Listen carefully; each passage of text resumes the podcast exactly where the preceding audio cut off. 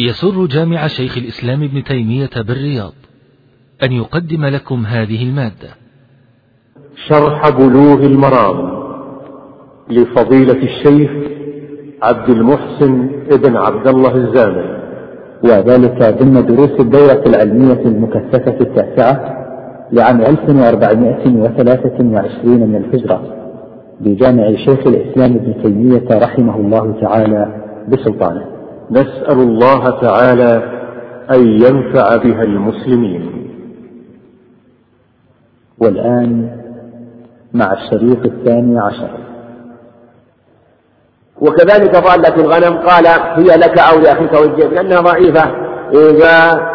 فلهذا أمر فهي دائرة بأن تأخذها أو أن يأخذها أخوك أو أن يأكلها الذئب فعليك أن تأخذها.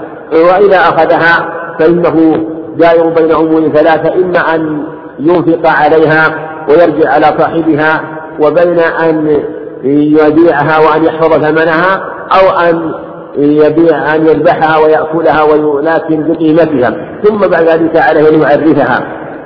إذا عرف صفاتها ثم إذا جاء صاحبها أعطاه إياه وإذا مرت السنة كما تقدم فهي له إلا أن يأتي صاحبها يوما من الدهر فإنه يرجعها له كما قال عليه السلام فاحفظها حتى يأتيها ربها. لفظ ولتكن وديعة عندك فإن جاء صاحبها فأعطها إياه.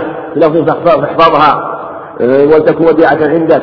فإن جاء ربها وإلا فشأنك بها أو شأنك يعني إلزم شأنك بها. و ثم ثم قال فإن جاء ربها فأعطها إياه أو فأمره بإعطائها إياه قبل السنة وأمره أن يرجعها أيضا بعد التعريف. وهذا يبين أن كما قال الجمهور أنه حتى بعد مضي سنة التعريف فإنها تكون له ولا ولا يلزمه تعريف بعد ذلك على الصحيح لأن التعريف حول واحد. لكن لو جاء ربها بعد ذلك خيره بين إمضائها بين إمضائها له وبين أن يضمنها له. وعنه رضي الله عنه قال قال رسول الله صلى الله عليه وسلم من آوى الضالة فهو ضال ما لم يعرفها رواه مسلم. وهذا يبين أنه يجب تعريف هذا الأصل أن الضالة يجب تعريفها ولا يجوز أن يكتمها ولهذا ثبت في حديث ابن هريرة عند أبي وغيره أنه أنه قال في الضالة المكتومة قيمتها مرتين. إذا كتمها فإنه إن إن, إن تلفت بغير كتمان فهو ضامن لها. وإن تلفت مع الكتمان فهو ضامن لها بقيمتها مرتين عقوبة لأنه أشبه السارق في الحقيقة وهو خائن وإن لم يصل يد السارق لأنه خائن ولهذا لم يجب عليه الحد. والقاعدة أن من لم يجب عليه الحد فإنه تضاعف عليه القيمة مرتين.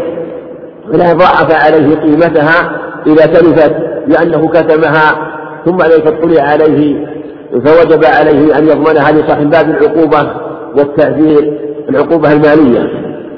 وعن عياض بن حمار رضي الله عنه قال قال رسول الله صلى الله عليه وسلم من وجد لقطة فليشهد ذوي عدل وليحفظ عفافها ووكاءها ثم لا يكتم ولا يغيب.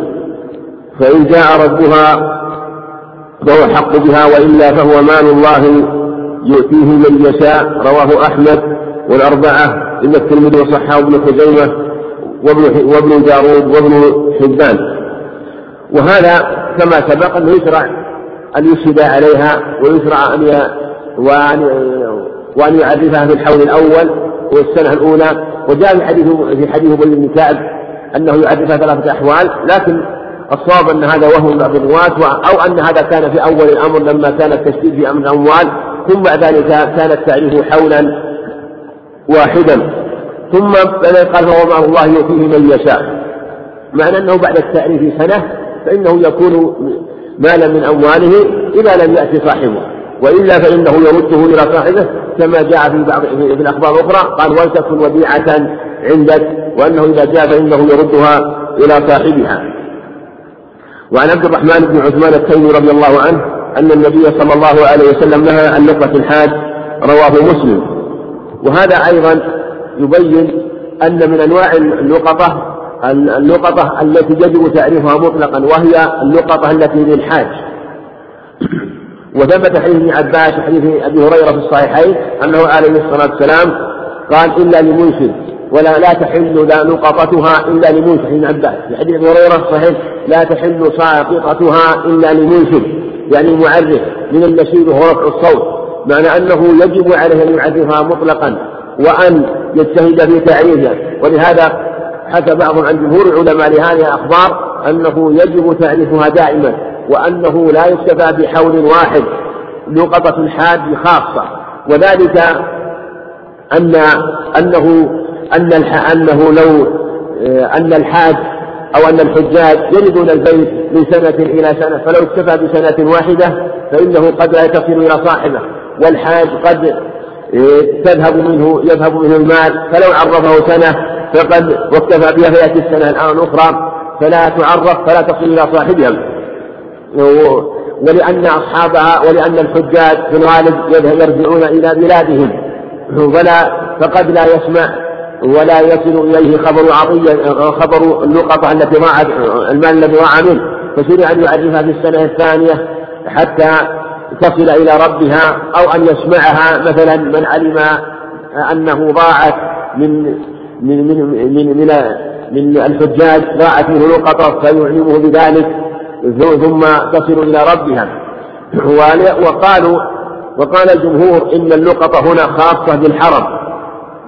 لقطة الحاج وذهب آخرون من العلم إلى أن اللقطة الحاج تشمل جميع مواقع الحج والأماكن التي يكون فيها الحجاج حتى عرف أيضا. وكذلك إذا كانوا يأتون إلى المدينة. وهذا هو الأظهر. ولهذا في اللفظ الآخر قال أنها عن لقطة الحاج أو لقطة الحاج وهذا يشمل كل المواضع التي يكون فيها الحجاج. وقد يقال أيضا إذا غلب على ظنه أنها لحاج وإن كانت في غير مواضع الحج إذا غلب على ظنه أنها لحاج خاصة في مثل هذا الوقت أن يكون عليها علامة أو عليها ما يدل عليها أنها لحاج من هذه البلاد أو وافد من خارج هذه البلاد وغلب على ظنه فالأظهر أنه يجرى الحكم فيها وأنه يعرفها مطلقا. ومن وكذلك أيضا إذا من ذلك من ذلك الباب إذا وجد لقطة وخشي أن تذهب على الحاج أو على غيره فلا بأس أن يلتقطها وإن كان لا يريد تعريفها أن يحفظها لصاحبها كما تقدم. وإيصالها إلى المسؤولين وإلى الجهات الرسمية في فإنه يكون يقومون يعني يقومون مقامه لأنه يقوم مقام الحاكم في هذه النفس. المسؤول هذا أو الجهة المسؤولة تقوم مقام الحاكم في هذا. والحاكم له نظر في أموال الناس في حفظها كما تقدم. وكذلك أيضا لو رأى مالا مثلا في غير وهو غير مال حاج وكما تقدم ولا يريد آه، تعريفه أو أو أو لا يتمكن من تعريفه فأخذه وأرجعه إلى المسؤول المسؤولين عن حفظ الأموال. كذلك أيضا من هذا هو من هذا الباب. وكذلك أيضا إذا كان مثل ما تقدم مما ينبغي أن يعلم إذا كان المال لا علامة عليه. ما هنالك علامة تدل عليه. مثل يجد دراهم مرمية في طريق ليس عليها علامة وليس فيها شيء من إثباتات تدل على صاحبها ويغلب على ظنها أنها لا تصل إلى صاحبها لأنها فئة من الدراهم ليس هنالك علامة تدل عليها. فهذه أيضا لا بأس من التقاطها ولا يلزم تعريفها لأنه لا يمكن تعريفها.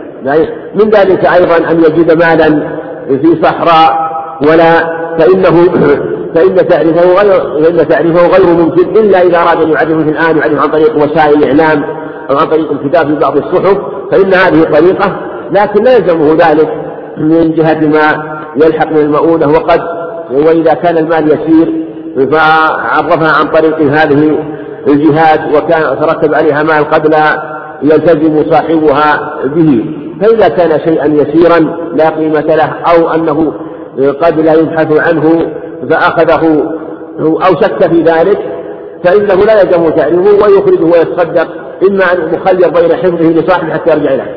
فإن كان مالا يسير فله أن ينتفع به وإن كان له قيمة له قيمة وليس بذاك الكثير فإما أن يحفظه له أو أن يتصدق به ولو رجع صاحبه أو عاد أو علم بصاحبه فإنه يضمنه له لأنه لم يعرفه.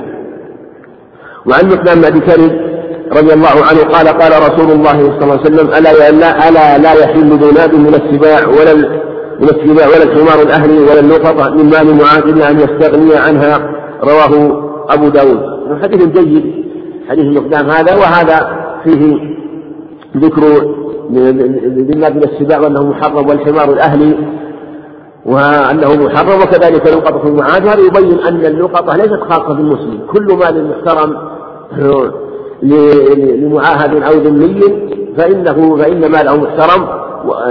هذا إذا علم. لأن إذا كان بين المسلمين فإنه يكون للمسلمين. لكن لو علم غلب على ظنه أن هذا مال لكافر من معاهد أو ذمي مثلا غلب على ظنه بدلالة بقرينة دلت عليه أنه أو أن هذا المكان فيه قوم معاهدون فإنه أيضا يجري مجرى ما المسلم في تعريفه أو حفظه.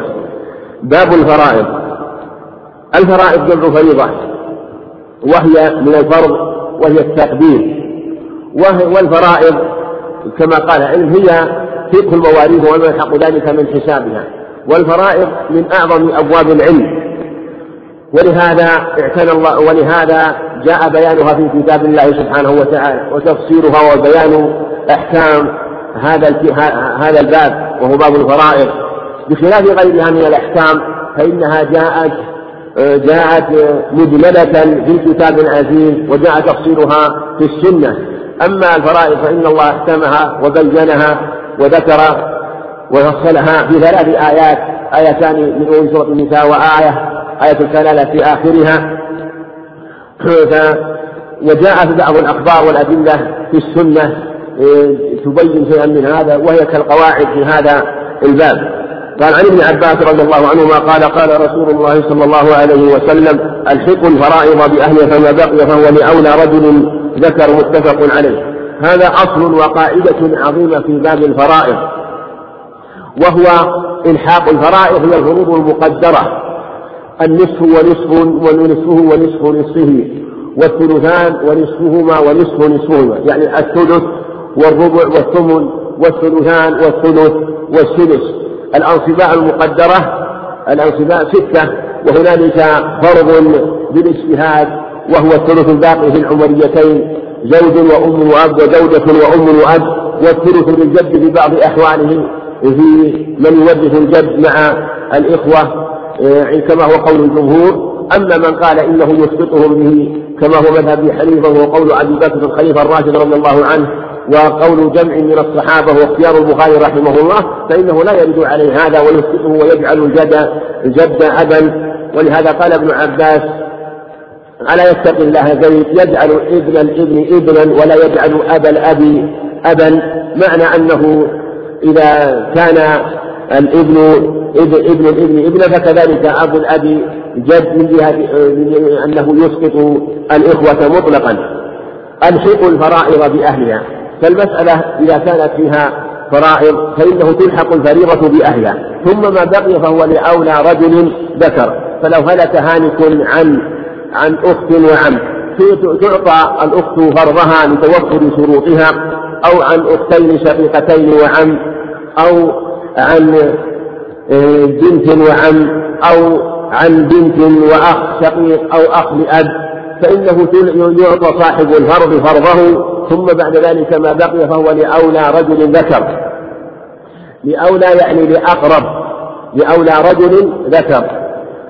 وقوله رجل ذكر ذكر أو أو قيده بذكر لأجل اختلف شراح في هذا كثيرا لكن الأقرب والله أعلم أنه يبين أن أنه يكون ذكرا. ليس المقصود أنه يكون مثلا رجل بالغ فإنه يستحق نصيبه من الميراث ولو كان في المهد ولا يشترط أن يكون كبيرا. وقد كانوا في الجاهلية لا يورثون النساء ولا يورثون الصغار ولا يورثون إلا من حمل السلاح.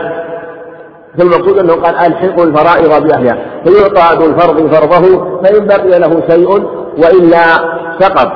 هذا هو طريقة العاصب فإنه العاصب بنفسه فإنه تارة يرث المال كله وتارة يرث بعض المال وتارة يسقط بالكلية.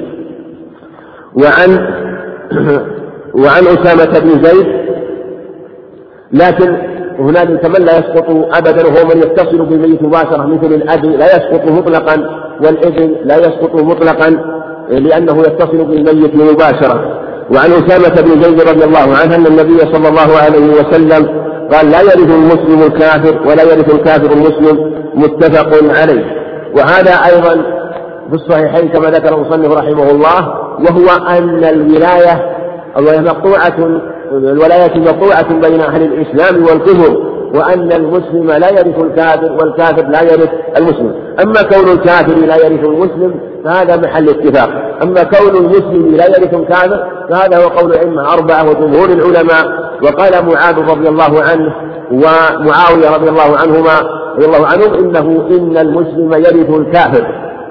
وقال معاوية ما أحسن ما قضى به معاذ نرثهم ولا يرثوننا كما أننا ننكح نساءهم ولا ينكحون نساءنا يقصد اليهود والنصارى. لكن هذا استنباط في مقابلة النص ولا يقبل ولعل من قاله لم يبلغه النص. واستدلوا بقوله الإسلام يزيد ولا ينقص عند أبي داود حديث معاذ. لكن هذا الخبر ضعيف. ولو ثبت فلا يدل على أنه على هذا المعنى بل هو بعيد منه. إنما هو خبر عن الإسلام أنه لا يزال في ازدياد في دخول في كثرة الداخلين فيه ولا يزال في قوة من كثرة الداخلين فيه. وليس المراد أنه يزيد مثلا بأخذ بأخذ الإرث من من بأخذ المسلم الإرث من الكهف. فعلى هذا لا يرثه. لهذا لنص هذا الخبر. فلو مات ميت عن ابنين أحدهم مسلم والآخر كافر ورثه الكافر دون المسلم. وكذلك لو كان المسلم هو الميت وورثه ابنان أحدهما كافر والآخر مسلم فإنه يرثه المسلم باتفاق ولا يرث ولا ولا يرثه الكافر اتفاقا.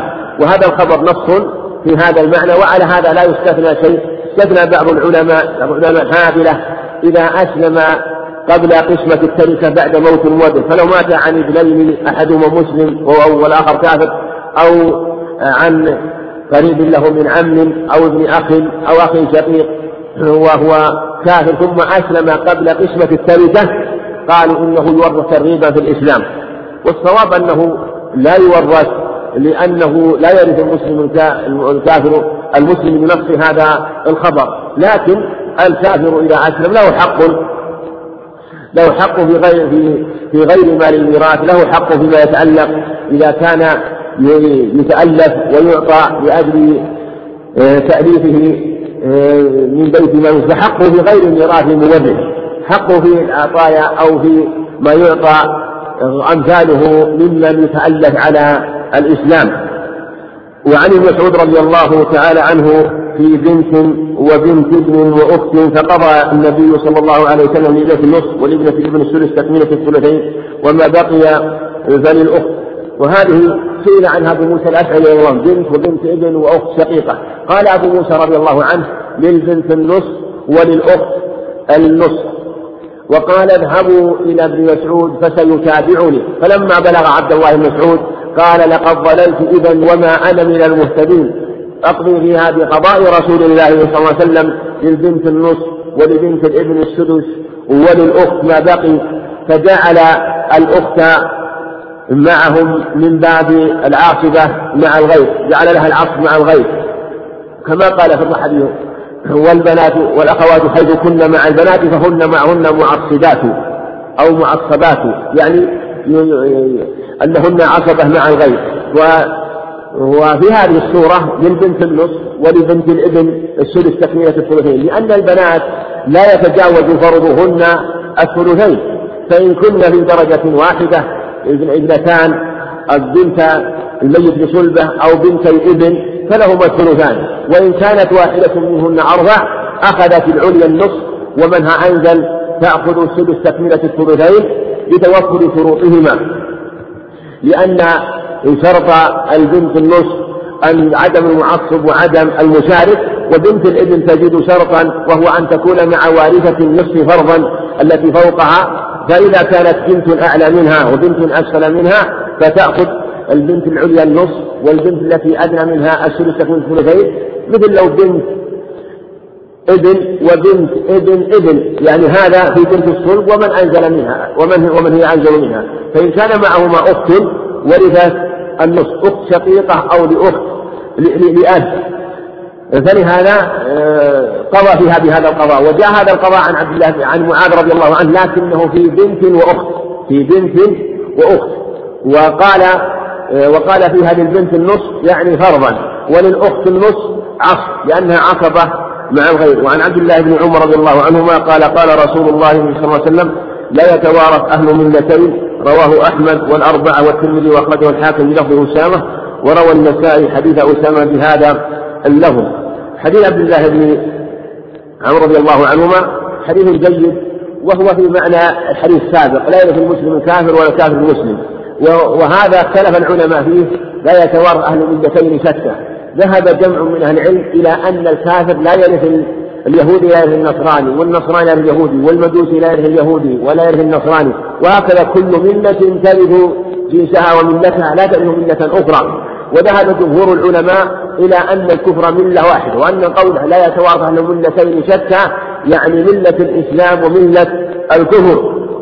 يقول تعالى والذين كفروا بعضهم أولياء بعض.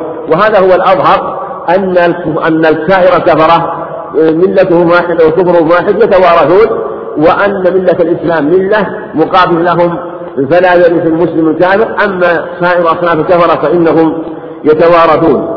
وعن عمران بن حسين رضي الله عنه قال جاء رجل إلى النبي صلى الله عليه وسلم فقال إن ابن ابني مات مالي ميراثه فقال لك السدس. فلما ولى دعاه فقال لك سدس آخر. فمن ولى دعاه فقال إن السدس الآخر طعمه.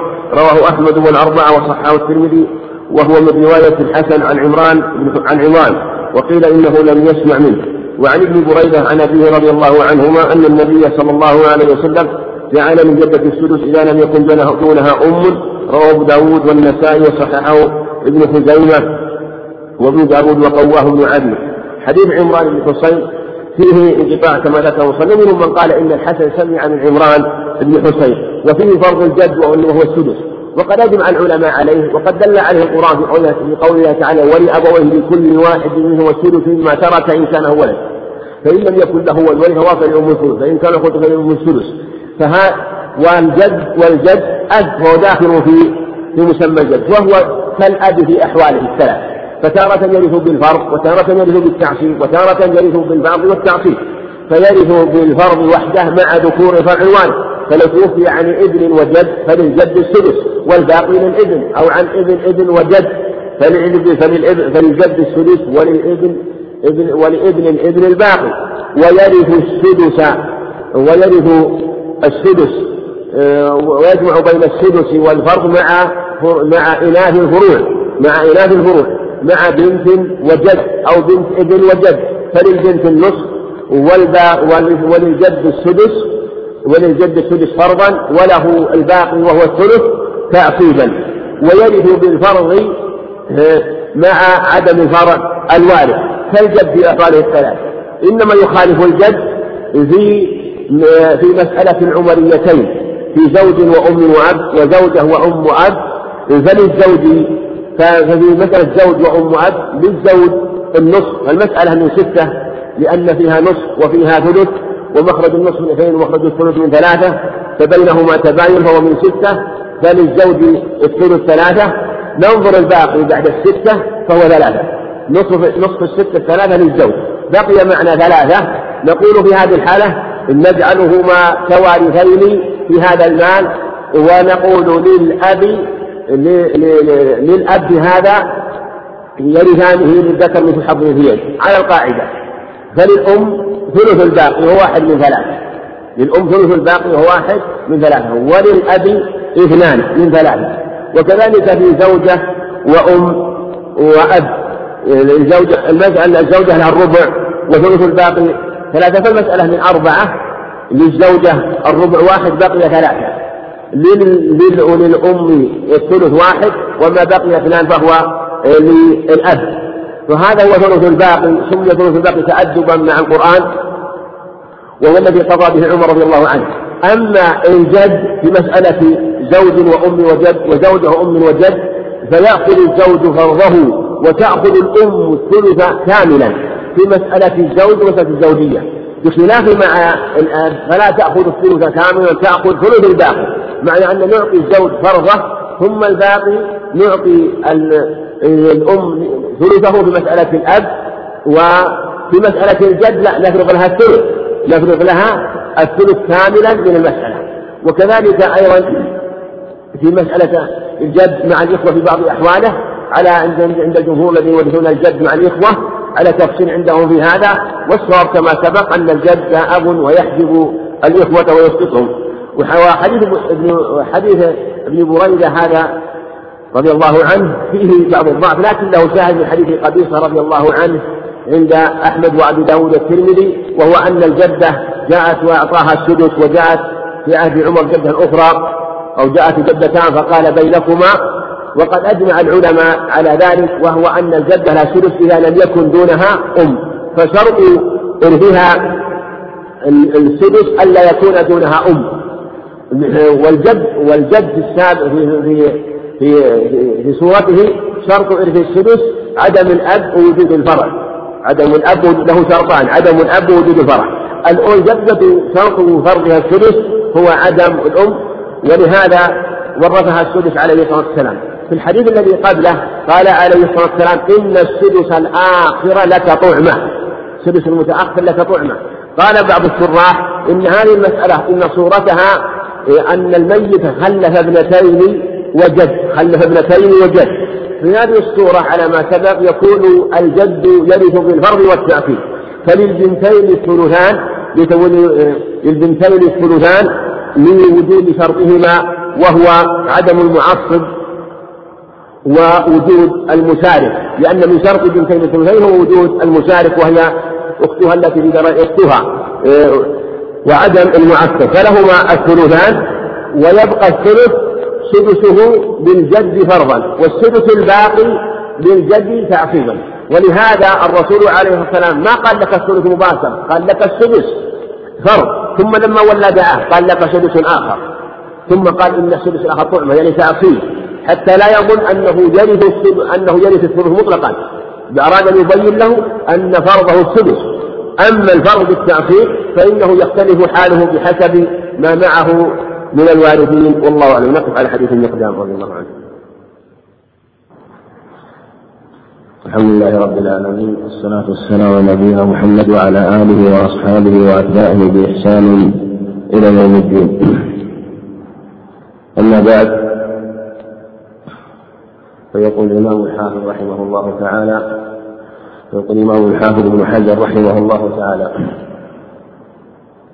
وعن مقدام بن كرب رضي الله عنه قال قال رسول الله صلى الله عليه وسلم الخال وارث من لا وارث من لا وارث له أخرجه أحمد والأربعة سوى الترمذي.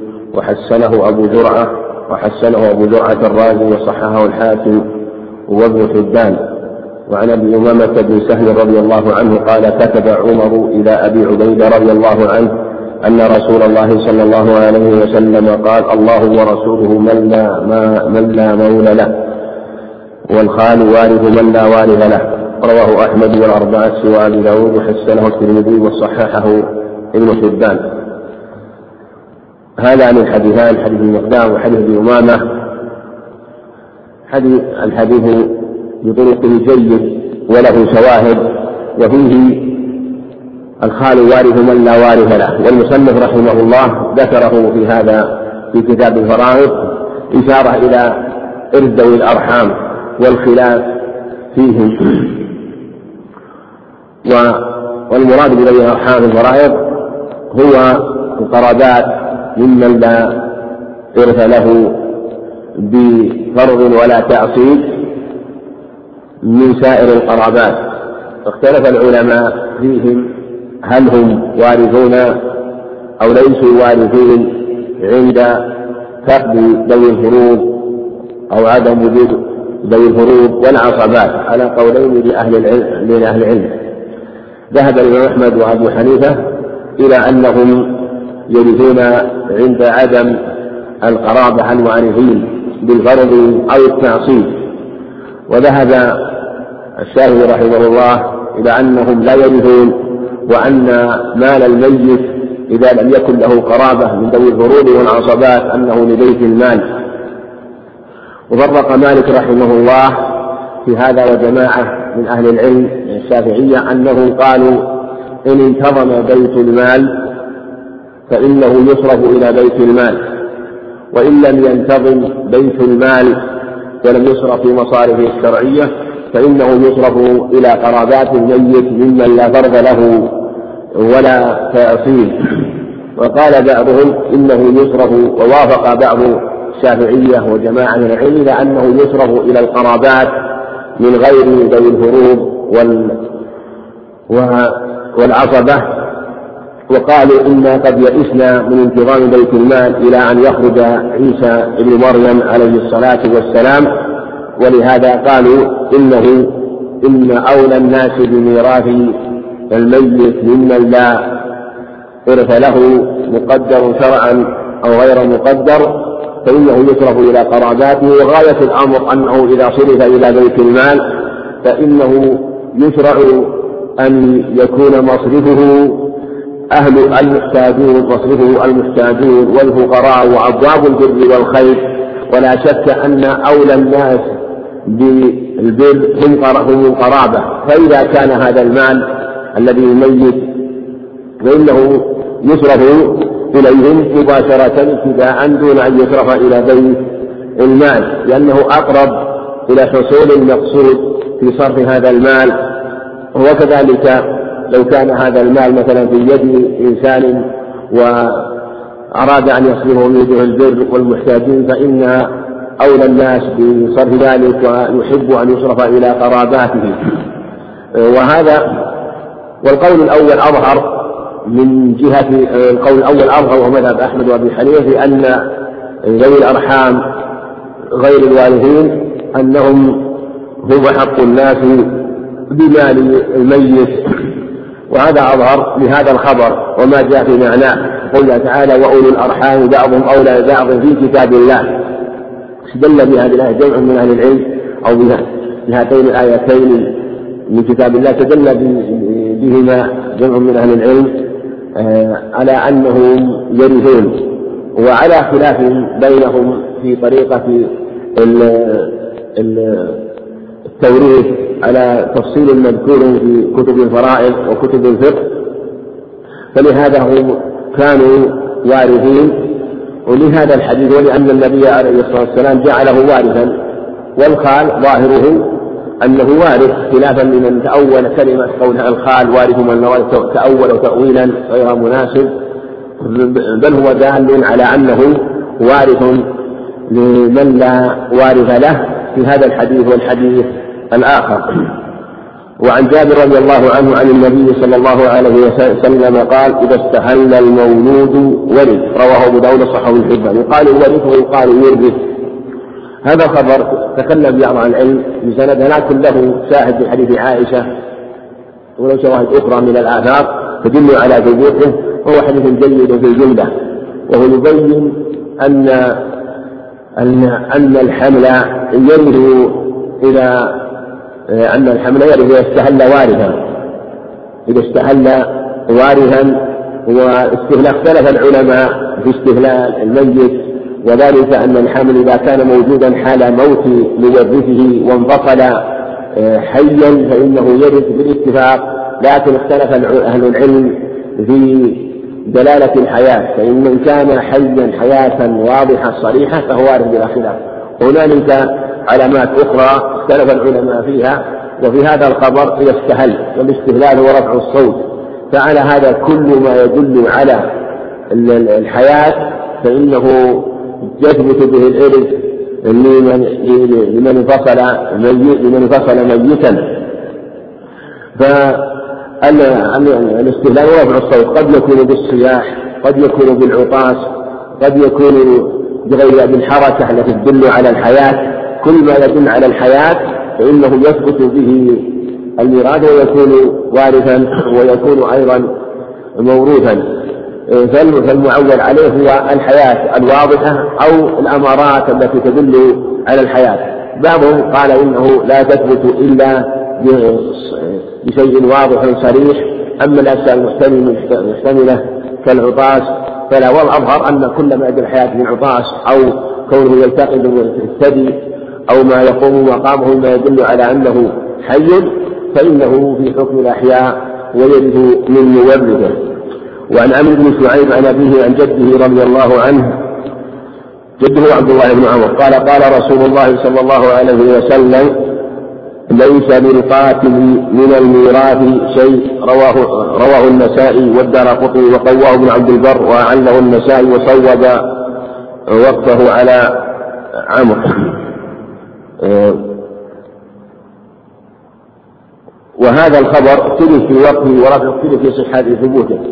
وجمع من العلم أثبتوه وصحوه لأن لأن له شواهد من ضمن شواهد عن أبي هريرة عند الترمذي وجاء شواهد في المعنى عن عمر رضي الله عنه وأخذ به أهل العلم بأنه ليس للقاتل شيء وأن القاتل لا يرث من قتله. إذا كان القتل عمد عدوان فهذا بالاتفاق أنه لا يرثه أنه لا يرثه ومن استعجل آه، شيئا قبل اوانه ولم تكن المصلحة في ثبوته فانه يعاقب بحرمانه. آه، فلهذا القتل عمد لا يرثه وهذا من حكمة الشرع لأنه ربما طمع الإنسان وربما سول له الشيطان في وغلب على قلبه حب المال حتى أدى به إلى هذه الفعل فعلها الشنيع والعياذ بالله وتجرأ على قتله وبه استعجالا للمال واستعجالا لموت وبه حتى يرده. فكان من الحكمة أن يمنع آه، من باب العقاب والتعذيب على ما يحل به من العقوبة. إن أراد إن أراد الورثة ورثة الميت الآخرون ذلك ثم فيه ردع له ولأمثاله من الوقوع في مثل هذه الجريمة والشد لأمثال هذه الجرائم فليس للقاتل شيء اختلف العلماء في غير القاتل العمد. ذهب الشافعي رحمه الله إلى أن جميع أنواع القتل تمنع من الميراث قتل العمد وقتل الخطأ والقتل بحق حتى ولو قتله ولو كان المقتول ولو كان المقتول الذي قتله القاتل وجب قتله أو استحق القتل لكونه قاتلا أو لو أنه قتله بحق مثل أن وجب عليه القصاص ولزمه القصاص فقتله أو وجب عليه القتل حدا فقتله بأمر الحاكم وبأمر الوالي فإنه قالوا إنه قاتل ويدخل في عموم الأدلة ليس للقاتل شيء. فلم تفرق بين من قتله ظلما وعمدا وعدوانا أو قتله خطأ أو قتله بحق. وقابلهم آخرون من أهل العلم فقالوا وهو مذهب مالك رحمه الله قالوا إنه إن القاتل المراد به هو القاتل ظلما وعدوانا وهو القتل العمد وهو الذي ليس له في مال مورثه شيء. قالوا إن من قتل خطأ فإنه من قتله خطأ أو تسبب إلى ذلك فإنه يرثه ولا شيء ويرث ماله لكن يرث من ماله سوى الدية فلا يرث من دية شيء لأنه يدفع لأن الدية مقابل القتل الذي كان هو سببا فيه أو باشره خطأ فلا يرجع إليه شيء من ما تسبب فيه أو باشره. وذهب آخرون إلى أنه إذا كان القتل خطأ فإنه يرث جميع ماله لأن النهي عن القتل الخطأ لأن النهي هو عن القتل وظاهر النص قالوا إن إن نهي الإرث ومنع الإرث لمن كان سمي قاتلا وهو القتل العمد أما من كان قتله بغير بحق أو كان قتله له عن طريق الخطأ فإنه آه، لا يمنع وليس هنالك حكمة ظاهرة في منعه منه وقد يتسبب في منع كثير من مال مورثيهم وقد يكون ذاك محسنا وإن كان قد وقع القتل منه خطأ مثل أن فرط مثلا أن فرط وكان معه مثلا في في سيارة ثم فرط فوقع منه القتل خطأ آه، آه، فقالوا إنه يرثه أما إذا آه، كان القتل بحق ف فإنه يرثه ما في إشكال. القول بمنع القاتل من قتل القول بمنع إرث القاتل من المقتول إذا كان قتله بحق به قتله في القصاص وجب عليه القصاص أو وجب عليه حد القتل وقتله ذلك فإنه يرثه لأنه إن لم يقتلوه فالقتل القتل واجب واجب القتل لازم له لأنه واجب عليهما إما أن يكون قصاصا أو يكون فهو حق آدم يكون الحق نحو حق لله عز وجل. إنما فعل هذا عندنا القتل بحق فإنه لا يمنع الإرث على إشكال. والقتل بالعمد العدوان هذا هو الذي يمنع الإرث قال وعن عمر بن الخطاب رضي الله عنه قال سمعت رسول الله صلى الله عليه وسلم يقول ما أخرج الوالد أو الولد فهو لعصبته من كان؟ رواه أبو داود والنسائي وابن ماجه وصحه ابن المديني وابن عبد البر. هذا الخبر إسناده جيد عند أبي داود وله وفيه قصة وفيه أن امرأة كان لها موالي أو عتقاء فماتت عنهم وكان لها أولاد فورث أولادها آه، مواليها ثم ماتوا عنها وفي آخره اختصموا إلى عمر فقال ما أحرز الوالد أو الولد؟ فهو للعصبة فهو العصبة من كان. وهذا يبين أنه إذا مات ما أحرزه الوالد وهو الأم والأب أو أحرزه الولد من أمه وأبيه إيه، وكان ذلك مثلا مثل أن يكون أحرز منهم مالا وهي الحقوق التي له الحقوق التي له. مثل أن يموت مثلا الوالد أو الولد عن عتيق عن مملوك قد اعتقه وكان له ولد أو كان له كان له أولاد ذكور وإناث وخلف لهم مولا قد اعتقه ثم بعد ذلك مات العتيق. مات العتيق. فإن العتيق إذا مات يكون إرثه للعصبة. للعصبة. ما أحرز الوالد والولد فهو للعصبة من كان. والمراد به للعصبة بالنفس فإذا خلف عتيقا له وله مال فمات فإن الذي يرثه هو العصبة بالنفس هم الذين يرثون ماله مال هذا العتيق. فلو كان لهذا العتيق مال كثير وكان قد اعتقه أبوهم في حياته ثم مات وخلف لهم هذا العتيق ثم ذلك مات العتيق و و ولمعتقه أولاد. ذكور وإناث فإن الذي يرث ماله هم العصبة بالنفس. وهو الإبن دون البنت وهو الإبن دون الابن لأن الابن بالولاء يكون بالعصبة بالعصبة بالنفس فعلى هذا يرثه الإبن دون البنت ولا تستحق البنت شيء لأن النساء لا يرثن بالولاء إلا من باشرن عتقه إلا لا يرث النساء بالعتق بالولاء إلا من أعتقن أو أعتقه من أعتقن. أما العصبة فإنهم يرثون مال معتقل يورثهم فيكلمهم ففي هذه الصورة يكون الولاء إرث المال من المولى المعتق للذكر دون الأنثى للذكر دون الأنثى. بخلاف ما لو اعتقاه جميعا فإن الإرث لهما إذا باشر أما هذا فهو عتيق أبيهم عتيق أبيهم. فإذا كان عتيق الأب فإنه يرث ماله من كان عصبة بالنفس. دون من كان عصبة مع الغير دون سائر العصبات فلهذا قال عليه ما أحرز الوالد والولد فهو لعصبة من كان. وعن عبد الله بن عمر رضي الله تعالى عنهما قال قال رسول الله صلى الله عليه وسلم الولاء لحمة كلحمة النسب لا يباع ولا يوهب. رواه الحاكم من طريق الشافعي عن محمد بن حسن عن أبي يوسف وصحه ابن حبان وعله البيهقي. هذا الخبر سبق معنا هو حديث صحيح. وفيه أن الولاء لحمة كملحمة النسب. لا يباع وليها. وفي الصحيحين عن ابن عمر أنه عليه الصلاة والسلام نهى عن بيع الولاء وهو هبة وهو قطعة وشعبة من النسب. وقد كانوا في الجاهلية ربما باع الرجل ولاء مواليه. فكان يتاجرون فيه فنهى الشارع عنه لأنه مشبه بالنسب.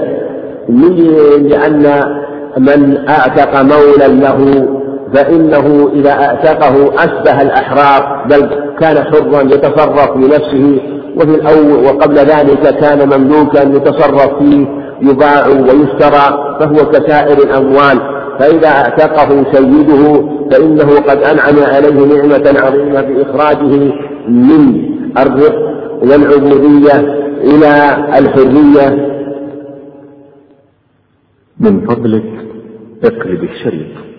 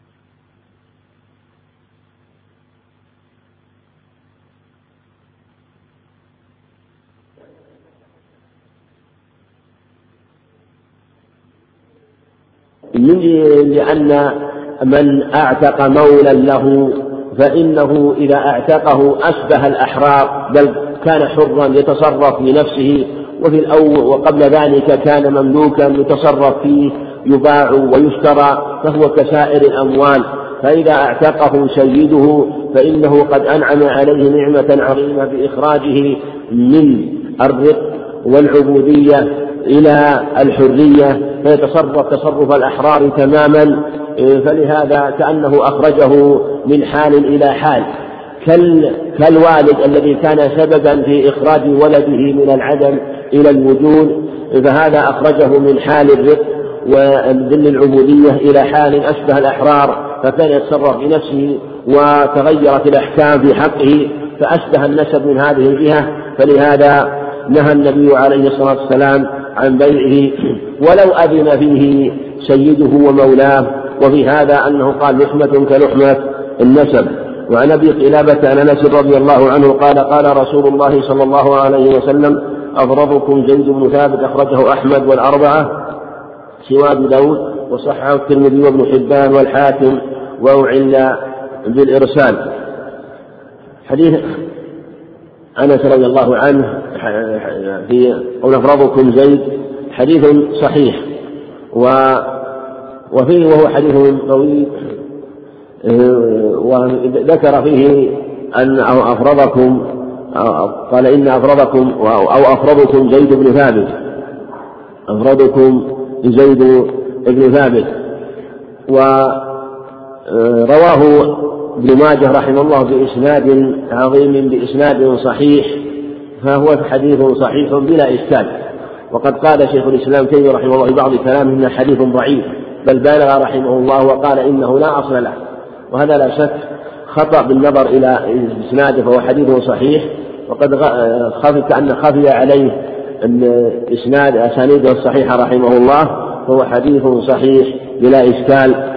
ولهذا استدل به أهل العلم. لكن هو رحمه الله أورده في معرض الرد على من قال بمذهب الجمهور الذين يصرفون الإخوة مع الجد يحتجون ولهم حجج من ضمنها قوله عليه الصلاة والسلام أغرضكم زيد بن ثابت وقالوا إنه مذهب زيد بن ثابت رحمه الله.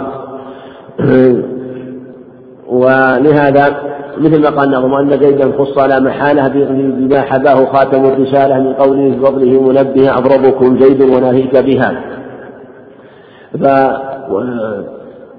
فاستبعه كثير من العلم وأخذوا بأقواله في كثير من المسائل. فقال رحمه الله قال شيخ الإسلام إن هذا الحديث لا أصل له ولا يكون حجة مقوية لهم. لكن هذا ليس بلازم فالحديث صحيح. ولا يلزم من صحة الحديث أن تكون جميع أقوال زيد رحمه الله أن تكون صحيحة وفي هذا وأن تكون يؤخذ بها. فكون الرجل مبرزا في في كونه مبرزا رحمه الله في هذا الفن أو في هذا العلم لا يلزم أن يكون من خالفه في بعض المسائل يكون قوله ضعيفا. وهذا مثل ما أن معاذ قال أعلم أمتي بالحلال حرام معاذ بن جبل. لا يلزم منه أن يكون جميع أقواله في مثل هذا. أن تكون هي الصواب بل قد يخالف غيره. وهكذا مثل قولها أقرأكم بين كعب لا يلزم منها أن تكون قراءته المتبعة وأن ما سوى قراءته آه، لا يؤخذ بها. لكنه يدل على قدر مشترك وهو أنه آه، مبرز في هذا وأن أقواله تكون موفقة أو مسددة. وهكذا الشأن في بقية ألفاظ الحديث. لكن هو أورد كأنه ورد رحمه الله. من استدلال قول الجمهور في الفرق في إرث الجد مع الإخوة. والحديث الحديث؟ متصل وإعلانه بالإرسال ليس يعني إعلانه بالإرسال ليس بعلة وقد روي بأسانيد صحيحة بل إسناده عند ابن ماجه إسناد نير كالشمس. قال رحمه الله باب الوصايا. الوصايا جمع وصية مثل عطايا جمع عطية وهي الأمر بالتصرف بعد الموت. والشارع الحكيم جعل أبواب الخير مفتوحة للعبد في حياته وبعد موته. وهنالك أنواع من الخير يكون العبد مبادرا بها في حال حياته وتكون صدقات منججة مثل ما يتصدق بالصدقة المنججة المعجلة التي تذهب ويعقبها غيرها. وقد يكون أنواع من الصدقات باقية كالأوقاف التي يقفها العبد يقفها في حال حياته وتخرج من ماله في حال صحته وموته. لكن ربما شح بعض الناس وربما ضعف عن الصدقة في حال حياته وربما أراد أن يستمتع بشيء من ماله. ومع ذلك فإن الشارع الحكيم جعل له مخرجا فقا وجعل له مخرجا بأن يتصدق بماله وأن يكون له شيء من البر ويبقى بعد وفاته في شيء من ماله وله التصرف به في حياته. معنى أنه شرعت له وصية. كما سيأتي في حديث آخر باب إن الله تصدق عليكم بثمن أموالكم عند وفاتكم زيادة في حسناتكم وهذا المراد به يعني أن نفوذها يكون عند الموت. وهذا من رحمة الله أن أن يكون للعبد هذه الفرصة بأن يخرج شيئا من المال وأن يوصي بشيء من المال بالثلث فأقل لغير وارث وأن هذا المال الذي أوصى به العبد والذي أوصى به العبد الثلث فقال الثلث الربع الخمس بحسب وصيته ويكون كثرته بحسب كثرة المال وقلة بحسب قلة المال له الرجوع فيه له أن يغير وله أن يزيد وله أن ينقص في وصيته وينقض ويغير فهي ليست شيئا لازما فله أن يغير. لا ولهذا كان الوقف أفضل لأنه لأنه صدقة منجزة فكان أفضل. ولهذا قال عليه الصلاة والسلام إن أفضل الصدقة أن تصدق وأنت صحيح شحيح ولا تؤمن حتى إذا بلغت الروح الحلقوم قلت لفلان كذا ولفلان كذا وقد كان لفلان. وقال عليه الصلاة والسلام لأن يتصدق أحدكم في حال صحة حياته بمئة درهم إذ درهم خير من أن يتصدق عند وفاته بمئة درهم.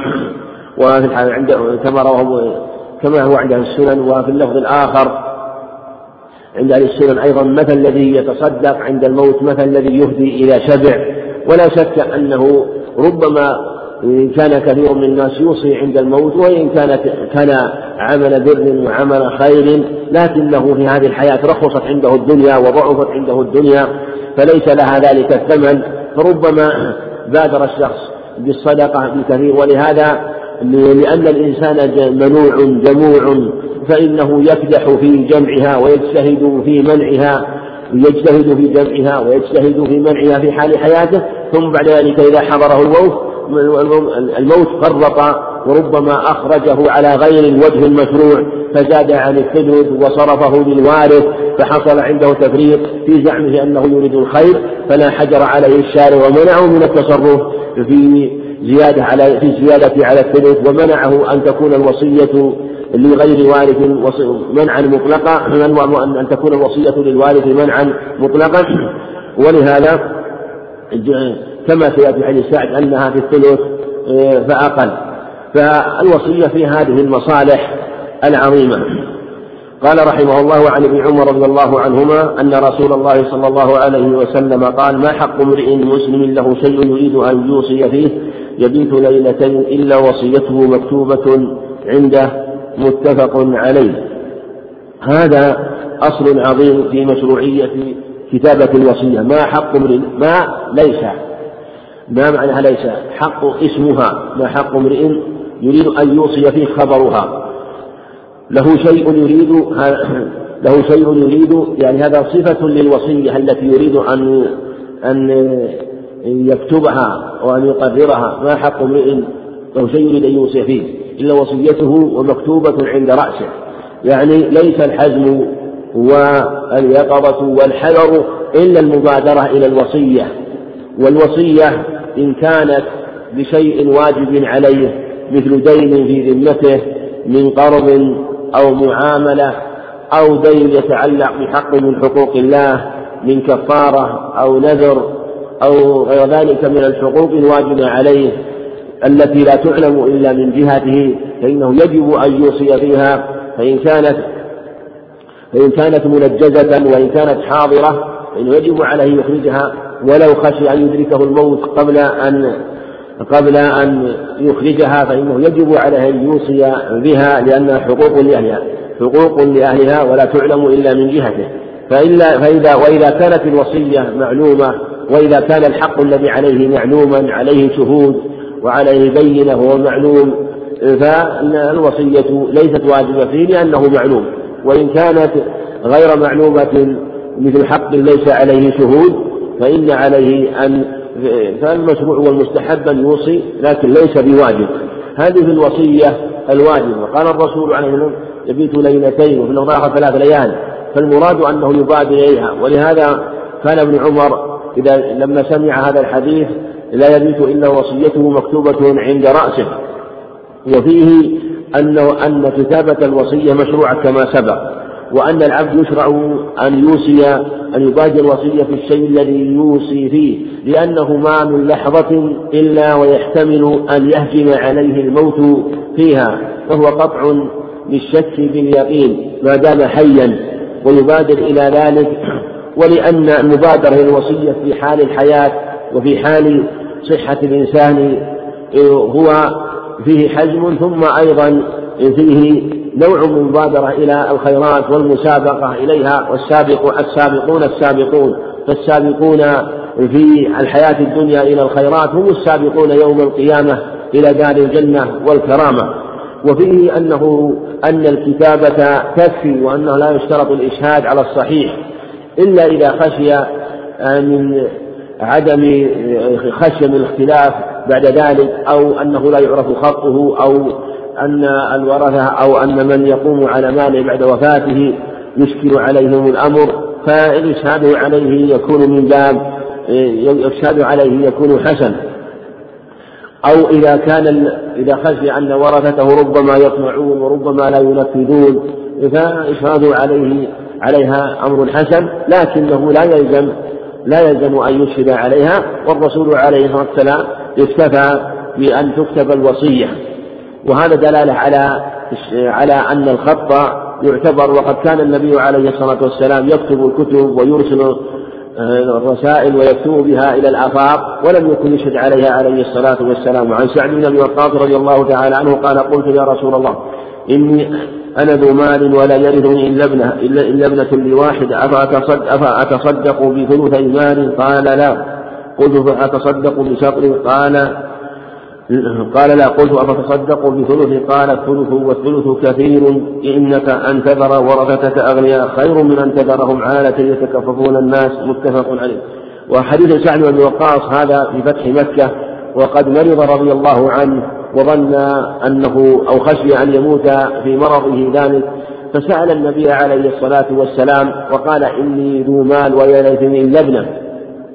قال بعض أهل العلم إن له ورثة غير وقوله لا يرثني يعني في هذه الحال وقالوا إن له ورثة آخرون لكن قالوا إنه قال لا يرثني إلا ابنه يعني بالفرض وإن له آه، ورثة من أولاد أخيه منه هاشم عتبة بن أبي وقاص لكن أراد بالفرض فقال إنه ذو مال ولا يرث إلا من أفأوصي مالي. وكأنها والله أعلم مستغنية مستغنية عن المال. فقال أفأوصي مالي؟ قال لا اللفظ الآخر بمالي.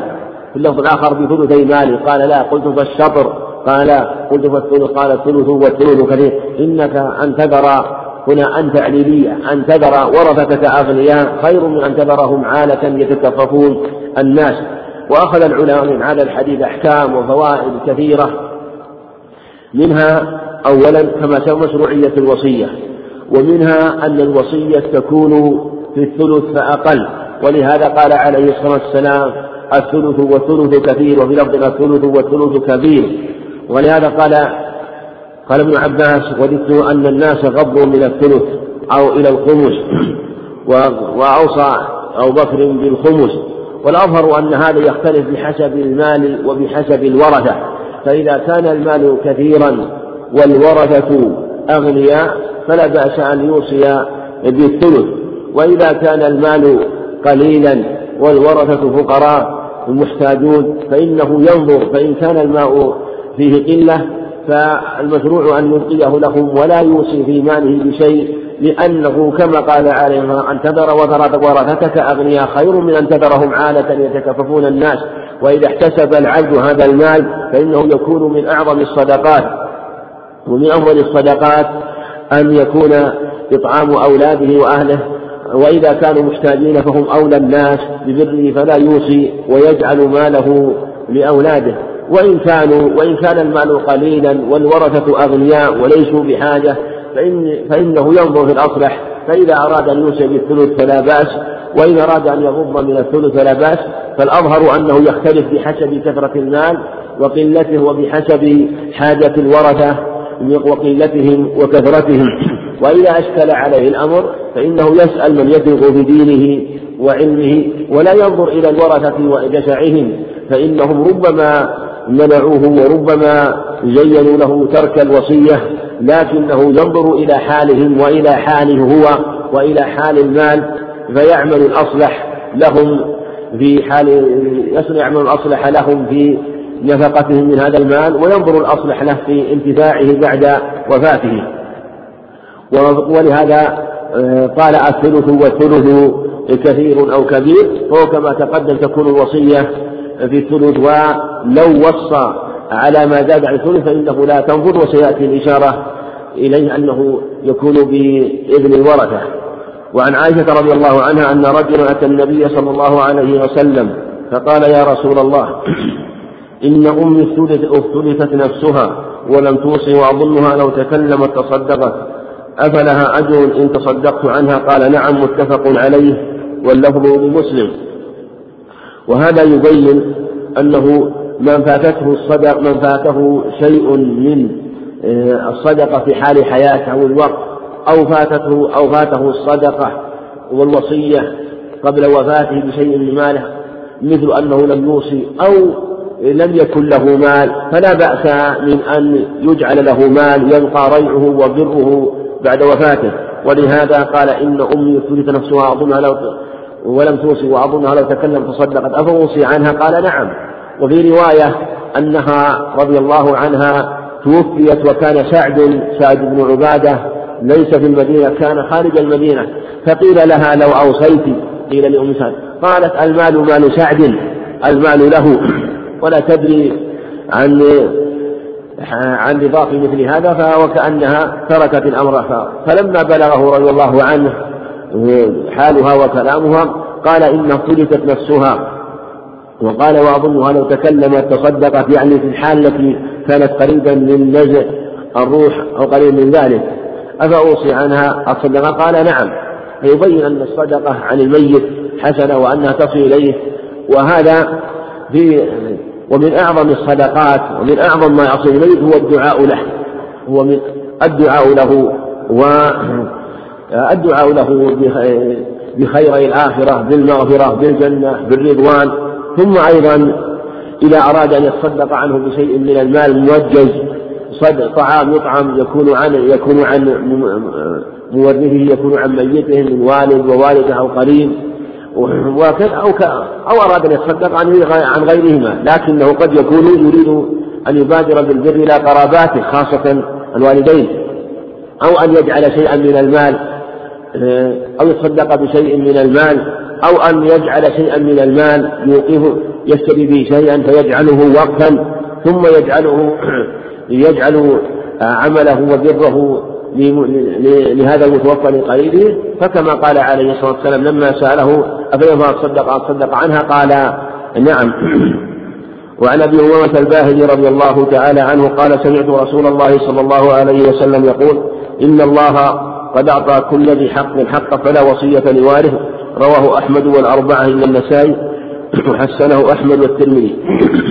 وقواه ابن خزيمة. وابن الجارود حديث امامه الباهلي هذا من طريق إسماعيل آه، بن عياش وقد رواه عن أهل الشام ورواية عن أهل الشام رواية جيدة. إسماعيل بن عياش العنسي الشامي هو بنفسه لا بأس به وقال العلماء إنه إذا روى عن أهل الحجاز كابن جريج فروايته ضعيفة وإذا روى عن أهل الشام فروايته جيدة. وهذا واقع في رواية بعض أئمة بعض أهل الحديث بعض بعض رجال الحديث يكون ضعيفا مطلقا وبعضهم يكون ضعيف في شخص معين مثل هشيم عن بشير هشيم بشير. أبو معاوية عن هشيم عن هشيم بشير.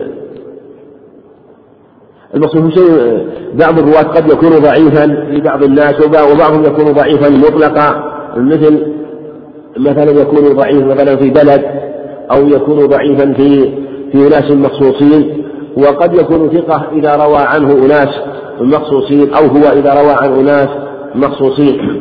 مثل رواية العبادلة عن عبد الله بن لهيعة وغير ذلك وهذا كثير موجود كثير في في كتب الحديث يحيى بن سليم يحيى بن سليم الطائفي ثقة وعبيد الله بن عمر ثقة لكن إذا روى يحيى بن سليم عن عبيد الله بن عمر فروايته ضعيفة وإذا روى عن غيره فروايته جيدة.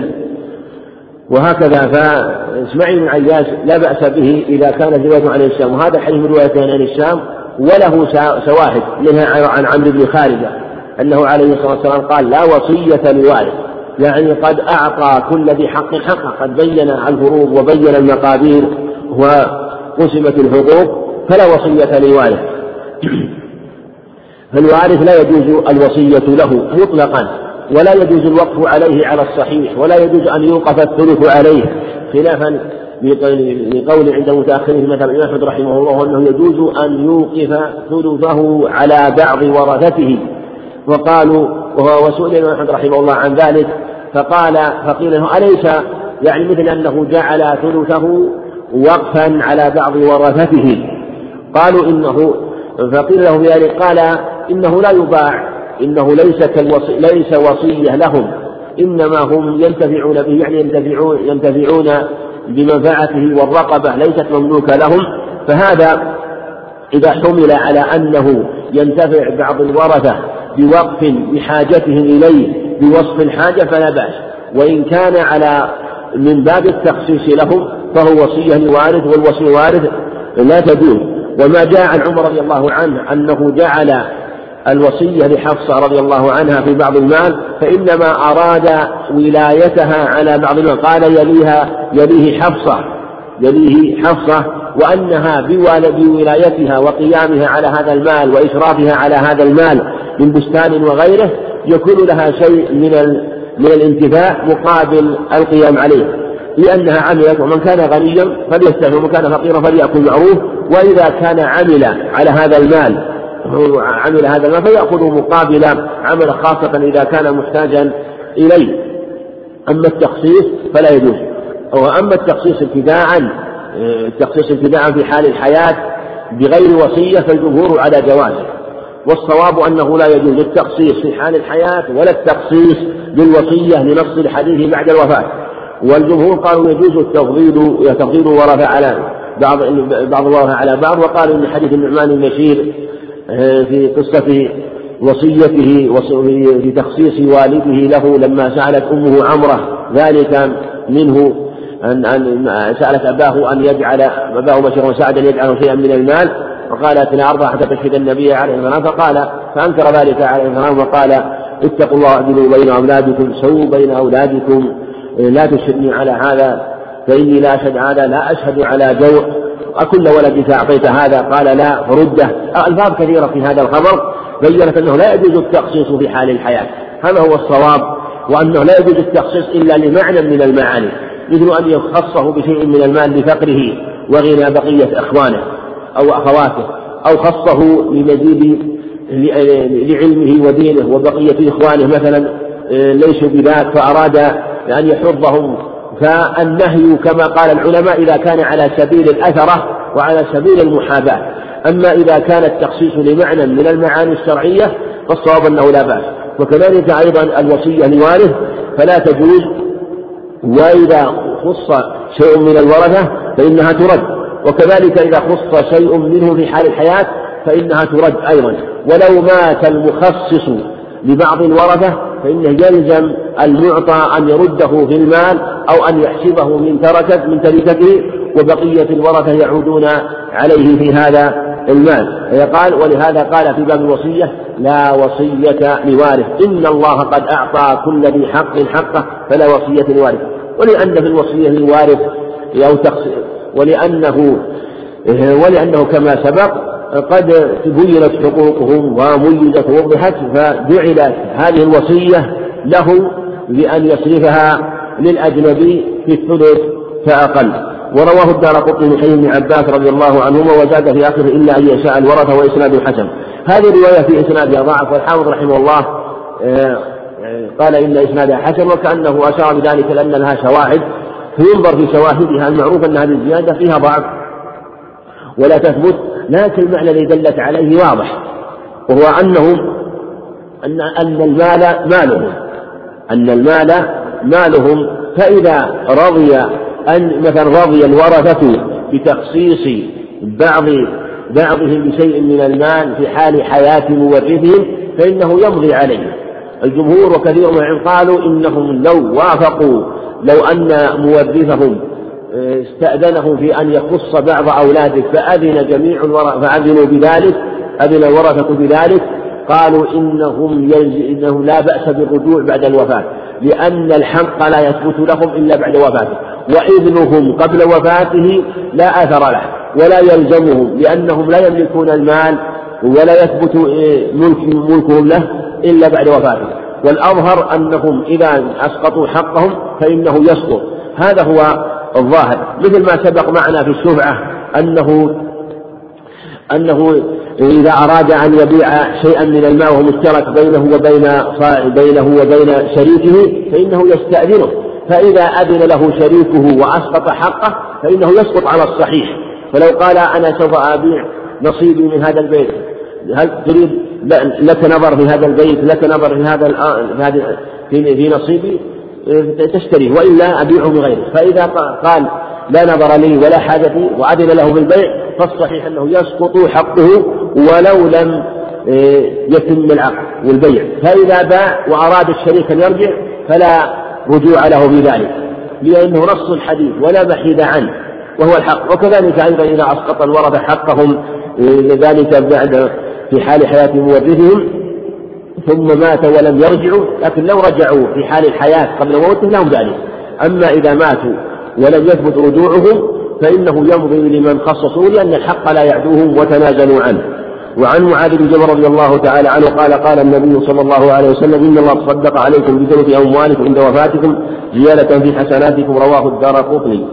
وأخرجه أحمد والبزار من حديث أبي الدرداء. وابن ماجه من حديث أبي هريرة رضي الله عنه وكلها ضعيفة لكن قد يقوي بعضها بعضا والله أعلم. هذا الحديث جاء من حديث معاذ الدار قطني وكذلك عند حديث الدرداء عند أحمد ومن حديث أبي هريرة عن ابن ماجه. والحديث كما ذكر المصنف رحمه الله مجموع الطرق يدل يكون من باب الحسن. وهذا واضح مما تقدم وذلك أن الله برحمته وحكمته جعل للعبد شيئا من المال يتصرف فيه وتصدق عليه بشيء من المال عند وفاته أو قريب من وفاته وهو الثلث ثلث المال. زيادة في الحسنات. وهذا يبين أنه وإن كان وإن كان غيرها من الصدقات قد يكون أفضل وأولى لكنه زيادة في حسناته لأنه في آخر يوم من أيام الدنيا وأول يوم من أيام الآخرة وأحق ما تصدق العبد فيه في مثل هذه الحال فهذا من رحمة الله. باب الوديعة. عن عمرو بن شعيب عن أبيه عن جده رضي الله عنهما عن النبي صلى الله عليه وسلم قال من أودع وديعة فليس عليه ضمان أخرجه ابن ماجه وفي إسناده ضعف. الوديعة سبق الإشارة إلى شيء منها وهي آه، المال المستودع وهي الأمانة من ودع الشيء إذا وهو أن تكون باقية في حال أمان واطمئنان من ودع الشيء اطمأن وسكن. فكأن الوديعة كانت ساكنة عند من أودع فلا آه، فهي محفوظة آه، وأنه يجب عليه يحفظها بما يحفظ أمثالها من المال. والوديعة لها أحكام والمصنف رحمه الله ذكر هذا الخبر يبين أن أن الوديعة لا ضمان فيها. وأنها لا تضمن من أودع وديعة فلا ضمان عليه. وفي لفظ آخر غير ليس على المودع غير المضل ضمان يعني الخائن. وهذا يبين أن الوديعة لها أحكام وأن الأصل فيها عدم الضمان. ولو تلفت فلا ضمان على المودع لأنه محسن. وما على المحسنين من سبيل. فإذا تلف المال مال أخيك عندك وأنت تحفظه له وهو وأنت قبضت المال من مصلحة المودع وليس لك مصلحة في إلا الإحسان إلى أخيك المسلم. فكان من رحمة الشارع الحكيم أن أسقط عنك الضمان حتى يتبادل الناس هذه الأعمال والمرافق الحسنة فيحفظ مال أخيه ويعلم أن له بذلك أنه أنه أنه مأجور بذلك لإعانته على لإعانته لأخيه على والله في عون العبد ما كان عبده في عون أخيه. ومن كان في حاجة أخيه كان الله في حاجته وإذا علم على زيادة على ذلك أنه تلف المال فلا ضمان عليه إلا إذا تلف بتفريط. فإذا تلف بتفريط منه فإنه يضمن لأنه لأنه لم يعمل بأسباب الحفظ. وكذلك أيضا مما مما يضمن المودع إذا تلف المال من بين سائر ماله مثل أن يكون أصيب المال وكان المال عنده محفوظ ثم ادعى أنه قد سرق من بين ماله وأن هذا المال هو الذي سرق ولم يسرق إلا مال المال المستودع عنده دون ماله. فهذا موضع تهمة فإذا ادعى ضياعه أو أو تلفه من بين ادعى تلفه بشيء وادعى أنه كان التلف له أو ضياعه له و ولم تدل القرائن أو حامت الشبهة عليه فإنه يضمن جاء عمر رضي الله عنه أنه ضمن أنس رضي الله عنه وديعة تلفت من بين ماله فإما وقالوا إنه لعله كان فرط رضي الله عنه في حفظها فكان التفريط في مثل هذه الحال موجبا للضمان. وهذا هو الصواب في مثل هذا. إذا تلفت بالتفريط أو تلفت من بين ماله ودلت القرائن على شيء من ذلك فإنه يضمن. أما بغير ذلك فلا. وأيضا من أحكام الوديعة أنها هل تضمن بالشرط أو لا تضمن بالشرط؟ جمهور العلماء على أن غير المضمون لا يضمن بالشرط. كل مال غير مضمون فلا يضمن بالشرط لأنه يخالف الأصل الذي قام عليه هذا المال وهو أنه لا يضمن. فمن ضمنه أو قال بشرط أن تضمنه فإنه اشترط شيئا يخالف الواقع الواجب في المال. وكذلك أيضا لو قال المال المضمون وهو المال المضمون لو قال إنه لا تضمنه قال إنه لا يضمن. والصواب والأظهر أنه إذا شرط عليه ذلك والتزم المودع ذلك فلا بأس والمسلمون عند شروطهم. والمسلمون عند شروطهم فإذا ضمن هذا المال وقد يكون فيه مصلحة لهما فلا بأس يعني إذا ضمن ذلك والتزم بالشرط. مثل ما سبق معنا في العارية أنها الصحيح أنها غير مضمونة وأنها من جملة الأمانات. هي أمانة والجمهور أنها تضمن والأظهر والصواب بل الصواب أنها لا تضمن. ولو أنه شرط شرط عليه ضمانها فلا بأس. ولهذا قال عليه الصلاة والسلام في حديث يعلى بن أمية عارية مؤدات حديث صفوان قال بل عارية مضمونة. اختلفت حالها من حال إلى حال فالتزم ضمانها في حال ولم يلتزم ضمانها في حال. وذلك أن المال قد يكون يغلب فيه شائبة الأمانة مطلقا كالودائع. وقد يكون يغلب فيه شائبة الأمان قد يكون أمانة محضة كالودائع. وقد يغلب فيه شائبة الأمانة مثل الأموال التي تكون بين الشركاء أو المال الذي يعمل فيه الوكيل مثلا فإنه مستعمل على ذلك. فهو فالمال الذي بين الشركاء قبض لمصلحتهما فهو قبضه لمصلحته ومصلحة المقبض لأن المال مشترك بينهما فهو يعمل لمصلحته ومصلحة الموكل. بخلاف المودع فإنه لمصلحة المودع ولا مصلحة للمودع بل لمصلحة المودع. أما هذا لمصلحتهما. والعارية آه، فيها آه، فيها شائبة الأمانة لكن يغلب فيها بل هي لمصلحة المستعير. وفي الغالب أنه لا مصلحة للمعير إلا لأمر يقتضي ذلك أو يراعي أمرا من الأمور. ولكن الأصل فيها أنه لمصلحة المستعير. والأمر أنه في جميع الأحوال أنه لا ضمان إلا مع التفريط كما تقدم. قال قال وباب قسم الصدقات تقدم في آخر الزكاة. وذلك أن علماء الشافعي رحمة الله عليهم يذكرون باب قسم الصدقات في هذا الموضع قبل كتاب النكاح. والمصنف رحمه الله وإن كان شافعي المذهب لكن رأى أن اللائق به أن يكون في باب الصدقات كما تقدم في كتاب الزكاة كما تقدم ولهذا ذكره ذكر باب قسم الصدقات في كتاب الزكاة. وهذا أنسب له وباب قسم الفيء والغنيمة يأتي عقب الجهاد إن شاء الله. و وكانوا يذكرون هذا الكتاب وكانوا يذكرون هذا الكتاب في قبل كتاب النكاح وعلماء الشافعية. ورأى رحمه الله أن يكون في كتاب الجهاد له مناسب. وهو قال يأتي عقب الجهاد وهو في الحقيقة لم يجعل له بابا خاصا ولم يجعله يجعله عقبه بل جعله من ضمن أبواب الجهاد رحمه الله. والله أعلم. والحمد لله الذي بنعمته الصالحات. ونقف على كتاب النكاح. نعم.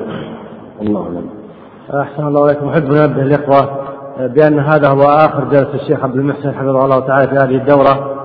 أما بالنسبة لليومين القادمين فسيكون الشيخ سعد الطويل يبدأ مكان الشيخ عبد المحسن بمعنى أن يوم الأربعاء ويوم الخميس أن يكون الفجر لفترة واحدة درسا واحدا للشيخ سعد الطويل. وسنبدأ إن شاء الله في العام القادم مع الشيخ عبد المحسن إن شاء الله تعالى من باب النكاح. بالنسبة لاختبار التذكرة آه، فسيكون إن شاء الله يوم الأربعاء بعد صلاة العصر يعني بعد درس الشيخ ابن جبريل إن شاء الله تعالى. جزا الله الشيخ عبد المحسن خير الجزاء على ما قدم وجعل ما قال في ميزان حسناته ونفعنا بعلمه. وصلى الله على نبينا محمد وعلى آله وصحبه أجمعين. شكر الله لفضيلة الشيخ على ما قدم وجعله في موازين حسناته وإلى اللقاء مع شريط آخر. وتقبلوا تحيات إخوانكم في مؤسسة صدى التقوى للإنتاج بالرياض وتسجيلات التقوى الإسلامية. والسلام عليكم ورحمة الله وبركاته. بموجب فهرس تسجيلات التقوى. فإن رقم هذا الشريط هو ثلاثة عشر ألفا وستمائة واثنان وسبعون.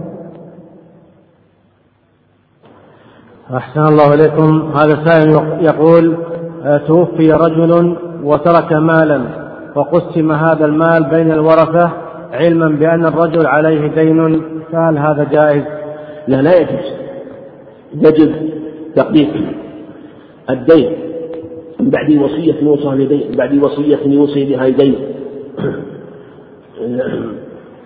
وما جاء فالمقصود يجب أول شيء تقديم الدين. من بعد وصية توصون بها ودين بعد وصية يوصينا بها الدين أربع آيات. كلها في تقديم الوصية والدين. فلهذا يجب تقديم الدين أولا وإن كان هنالك يخرج الدين أول. ثم بعد ذلك الوصية بحسبها من المال الباقي. ثم بعد ذلك يكون الميراث. أحسن الله عليكم هذا السؤال جاء من السودان يقول وجدت مئة ريال فأخذتها في الحج وكنت محتاجا إليها فماذا أفعل الآن؟ وجزاكم الله خيرا هذا مثل ما سبق.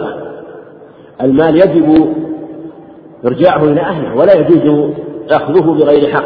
فإن كان يقول يسأل إن كان يقول وجدت هذا المال في مكان يخشى عليه من السرقة ويؤخذ. فنقول لا بأس أن تأخذه لحفظ إما أن تحفظه أنت أو أن تعطيه توصله إلى الجهة المسؤولة لأن هذه الأموال لها آه، جهات مسؤولة تحفظها فقد تصل إلى أربابها. هذا هو الواجب. وما دام أنك أخذته أخذته آه، في ولم تعمل في هذا فالذي يتبين في هذه الحالة أنك تضمنه وعليك أن تتصدق بشيء من المال لأنه لا يمكن تعريفه الآن وعليك أن تتصدق بشيء من المال بمقدار ما أخذت عن نية صاحب ولو فرض أنك علمت صاحبه أو أنه جاء إليك لو فرض ذلك فإنك تضمنه له وتخيره بين أن الصدقة وبين المال. فإن اختار بعض الصدقة فله ذلك وإلا تعطيه حقه الذي أخذته.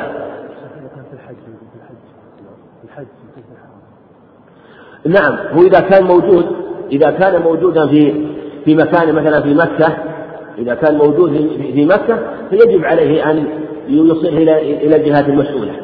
وإن لم يكن موجود كما تقدم بل قد ذهب وقد أكل المال وقد ذهب المال في هذه الحالة على التفصيل السابق. ولقطة الحاج لقط ولقطة آه، الحرم تعرف مطلقا سواء كانت للحاج ولا غيره. يعني ليس هناك فرق بين أن تكون يعني لقطة الحرم لا تحل لقاطتها ولا ساقطة للنفس سواء كان آه، يعني إذا وجدها في الحرم وجب عليه لكن جاء في اللفظ الآخر أنه يشمل آه، ما في الحرم وخارج الحرم مما يعلم أو يغلب على الظن أنه للحجاج. نعم. أحسن الله عليكم. هذا يقول هل الرجوع في العطية خاص بالوالد دون الوالدة؟ الأظهر أنه حتى الوالدة لأنها والد فلها أن ترجع. وإذا كان رجوعها لأجل العدل كان واجبا مثل أعطت أخصت أحدهم آخر وجب الرجوع. وإن كان رجوعها من باب الحاجة فلا بأس. فلو أنه أعطى ولده أو أعطت ولدها من ذكر أنثى شيئا من ثم بعد ذلك احتاجت فلا بأس. ولا منة عليه عليها من قبله أو من قبلها. نعم. أحسن الله لكم أسئلة كثيرة حول مقدار اللقطة التي يمكن التنازل عنها في هذا الوقت. اللقطة اللقطة مثل ما تقدم. الشيء اليسير فإذا كان مثلا وجد مثلا شيء ساقط يسير من طعام أو فاكهة أو مثلا شيء يسير مثل وجد ريال ساقط في الغالب أنه لا لا تتبع همة أوساط الناس إنما تتبع همة الأطفال في الغالب في الغالب. إلا إذا وجده مثلا في مكان يعلم ضرورة أهله وحاجة أهله ففي هذه الحالة تتبعه همة هؤلاء. لكن عليه أن يعمل بالقرائن في مثل هذا. فإذا كان شيئا يسيرا على هذه الصفة وريالات يسيرة فلا يلزم تعريفه وفي الغالب لا تتبع همة أوساط الناس فإن كان محتاجا له أن ينتفع به. إن كان هو محتاج فقير له أن يأخذه لأنه من أهل الحاجة. وإن كان غير محتاج فله أن يتصدق به بالنية عن صاحبه. أحسن الله إليكم وأثابكم ما نفعنا بعلمكم وصلى الله على نبينا محمد وعلى آله وصحبه أجمعين. أحسن الله إليكم. هذا السائل يقول ما الفرق بين الهدية والهبة؟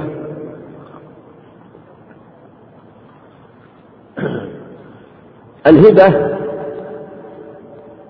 أنواع يدخل فيها الهدية والصدقة أو العطية أنواع. العطية يدخل فيها الهبة والصدقة والهبة. لكن فرق بعضهم بين الهدية قال إن الهدية تساق تعطى آه، تهدى للإنسان وتمشي إليه إكراما. والهبة قد تهبه هذا الشيء لكن آه، لا يلزم منه أن تكرمه بأن تسير إليه. وهذا فإذا أعطاه إياه وهبه هذا الشيء وسار إليه فهو هدية لأنه ولهذا في الغالب أنه إذا أهدى للشيء إما أن يرسل به إليه أو أن يذهب إليه. أما الهبة فيقول وهبتك هذا الشيء وأعطيتك هذا الشيء إيه، ولا لا يلزم أن يقصد إليه قيل إن هذا نوع من الفرق بينهما. نعم. أحسن الله إليكم. يقول هل نشر الأشرطة الإسلامية والمطويات وتوزيعها من الصدقات الجارية؟